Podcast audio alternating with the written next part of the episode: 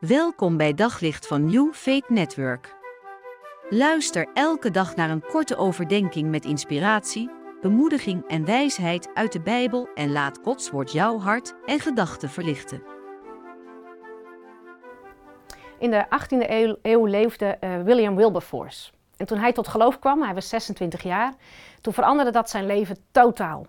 Hij heeft jaren in het eh, Britse parlement gezeten en hij heeft zich ook zijn hele leven ingezet om de slavernij af te schaffen. Uh, heeft daar keer op keer, jaar na jaar, heeft hij daar een wetsvoorstel voor ingediend en keer op keer werd hij afgewezen. En waarom? Ja, omdat de Britse handel voor twee derde afhankelijk was van de slavernij. En het afschaffen van die slavernij zou dus een enorme economische impact hebben. En geld ja, ging toch echt voor mensen. En William heeft zich er altijd voor ingezet. En uh, een paar dagen voor zijn dood, toen was hij 73, is er uiteindelijk in 1833 het wetsvoorstel aangenomen waarbij de slavernij is afgeschaft in Engeland. Ik moet zeggen dat Nederland heeft dat nog wel een tijdje volgehouden. Je zou zeggen de slavernij is afgeschaft, maar dat is niet zo. Ook in onze tijd is er slavernij. Uh, zijn er mensen die, uh, ja, die als slaaf werken in mijnen, in fabrieken, in de seksindustrie. Schattingen, want het is heel moeilijk te meten, maar schattingen zeggen dat het over 27 miljoen mensen gaat. Het is niet voor te stellen. En ook hoe die slavernij in elkaar zit, is voor mij heel moeilijk voor te stellen. En ik ben heel erg geraakt door een, een fotoserie gemaakt door Lisa Christine. Christine met een K. Zij heeft een, uh, een fotoserie gemaakt, die heet Foto's That Bear Witness. Foto's die getuigen. En zij heeft dus heel veel mensen geportretteerd die in mijnen werken, die uh, in fabrieken werken. En je ziet dan die gezichten, je ziet dat mensen na twee jaar werken totaal uh, ja, afgeleefd zijn. Hoe mensen behandeld worden. En je ziet dan dat beelden veel meer zeggen dan woorden. Dus als je tijd hebt, zoek maar eens op op internet. Het is echt een hartverscheurende serie.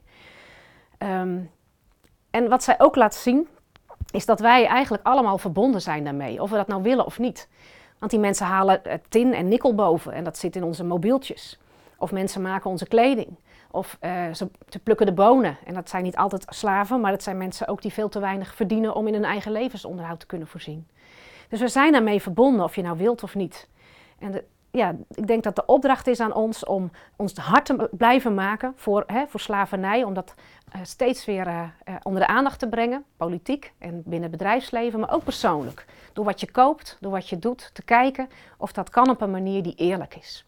En wat mij inspireert om dat vol te houden is de tekst uit Micha 6 vers 8. En daar staat, er is jouw mens gezegd wat goed is. Je weet wat de Heer van je wil. Niets anders dan recht te doen trouw te betrachten en nederig de weg te gaan van je God.